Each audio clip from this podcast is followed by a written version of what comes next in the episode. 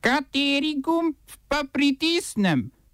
Tisti, na katerem piše OF. Giuseppe Conte je nov mandat za sestavo italijanske vlade.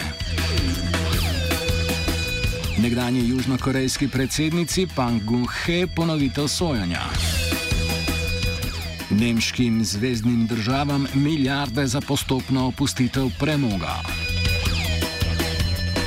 Venezuelskim slovencem pa repatriacija.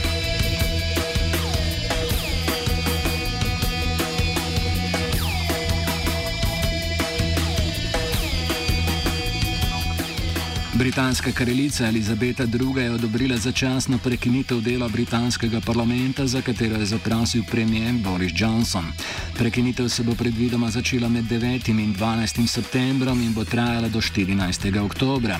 Med suspendiranjem dela v parlamentu ni razprav in glasovanja, prav tako pa se običajno makne iz procedure vsi predlogi zakonov, ki v prejšnjem zasedanju parlamenta niso bili sprejeti. Johnson bo s to potezo onemogočil opoziciji glasovanje o Brexitu Brexitu brez dogovora. Nasprotniki Brexita so razjarjeni in že več kot milijon ljudi je danes podpisalo peticijo proti suspendiranju dela parlamenta. Po naznanitvi kraljičine odločitve je odstopila predsednica škotske veje Toricov Ruth Davidson, prav tako je z položaja poslanca v zgornjem domu parlamenta odstopil George Young.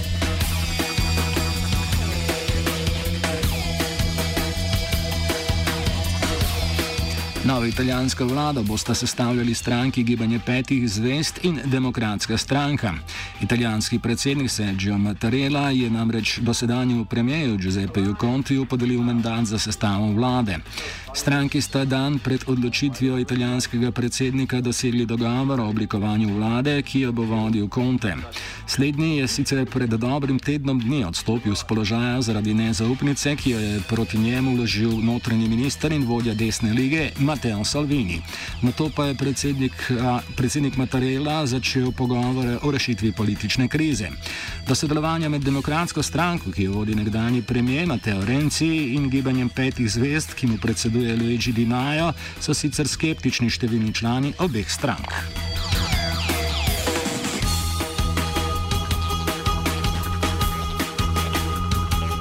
Južnokorejsko vrhovno sodišče je odredilo ponovitev svoje nekdanje predsednici Pak Gun-he in dediču koncerna Samsung Li Jae-yongu. Pak je bila aprila lani na prvostopenskem sodišču zaradi zlorabe položaja in korupcije obsojena na 24 let zapora, na drugostopenskem pa na 25 let. Vrhovno sodišče je v današnji sodbi odločilo, da bi moralo sodišče za obtožbe o podkupovanju objaviti ločeni sodbi, zato je odredilo ponovitev sojenja. V primeru, da bi se pak za obtožbe o podkupovanju sodilo v ločeni sodbi, bi namreč sodišče določilo više kazni kot v primeru skupne sodbe za vse obtožnice. Prav tako je vrhovno sodišče razveljavilo pogojno kazen za soobtoženega Li Jae-yonga.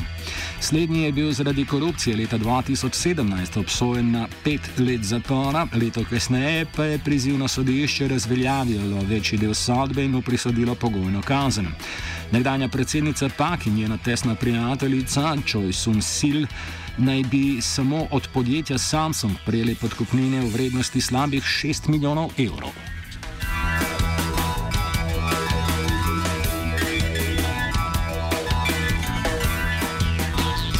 Nemški vladni kabinet je sprejel osnutek zakona, ki predvideva do 40 milijard evrov pomoči zvezdnim državam za pripravo na postopno opustitev premoga. 26 milijard evrov bo namenjenih infrastrukturnim ukrepom v zvezdnih državah Severno Porenje, Vestfalija, Brandenburg, Saška in Saška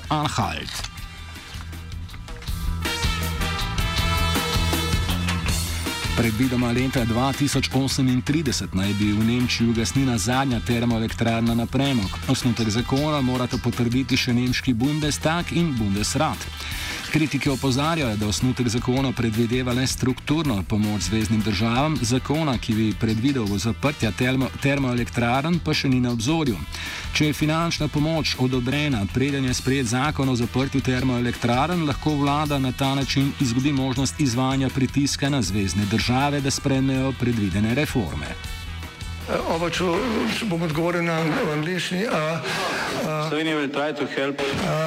We can Slovenia will and we will do our utmost to say that the situation is our problem ourselves. and uh, We will make further steps as soon as the conditions are. bomo vlado Marjana Cererja, Mira, eh, Marjana Cererja Šarca podprli. uh, very very serious. we know how and we will.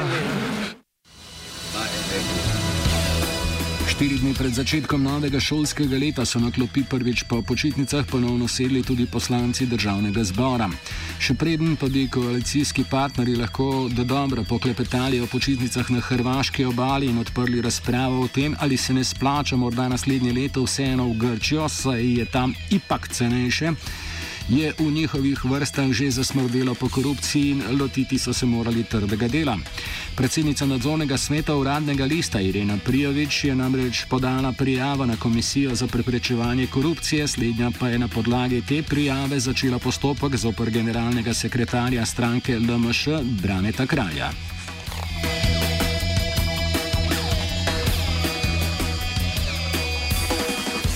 Prijavič je kralja prijavila pristojnim institucijam, med drugim tudi slovenskemu državnemu holdingu, ki je 100-odstotni delničar uradnega lista. Kralj naj bi jo poklical prejšnji teden in ji naročil, da, citiramo, država pričakuje imenovanje Igorja Šoltesa za direktorja uradnega lista in zahteval poročanje o kadrovskem postopku njemu mimo in prek kakršnih-koli, pred kakršno-koli komunikacijo s SDH. Konec citata. Kralj se je na obtožbe odzval in potrdil, da je res poklical predsednico nadzornega sveta Prijovič, ampak zgolj z namenom, da bi povedal, da je Šoltes dober kandidat za direktorja uradnega lista.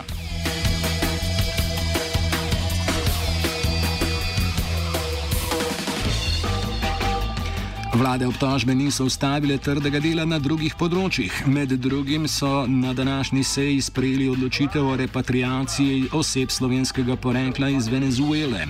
Trenutno je ljudi, ki se želijo vrniti v Slovenijo, 47. V procesu repatriacije sodeluje sedem ministrstv, oblikovana pa je tudi delovna skupina. Ministr za slovence v zamejstvu in po svetu Petr Česnik je povedal, da je že več slovenskih podjetij izrazilo pripravljenost sprejeti kvalificirane ljudi iz te skupine. Izkušenj z repatriacijo je v Sloveniji izredno malo. Do sedaj je bila skladno z zakonom o odnosu Slovenije s slovenci zunaj njenih meja repatriirana le ena družina iz Sirije in sicer leta 2013. Zakon predvideva, da lahko država poskrbi za pris priselitev slovencev, ki živijo v državah, ki jih pesti huda gospodarska in politična kriza. Za rojake, ki se znajdejo v takšnih državah in si želijo boljšega življenja, je vendarle treba poskrbeti najprej.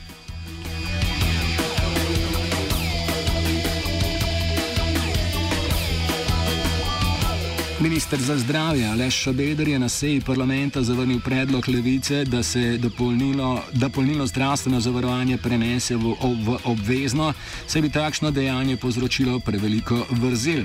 Kljub temu, da je prenos dopolnilnega zavarovanja v obvezno predviden v koalicijski pogodbi, koalicijski partnerji zaenkrat tak ukrep zavračajo, češ da je prenagljen.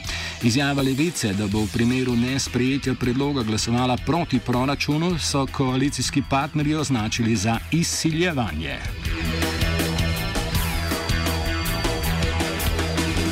OF je pripravila Lana.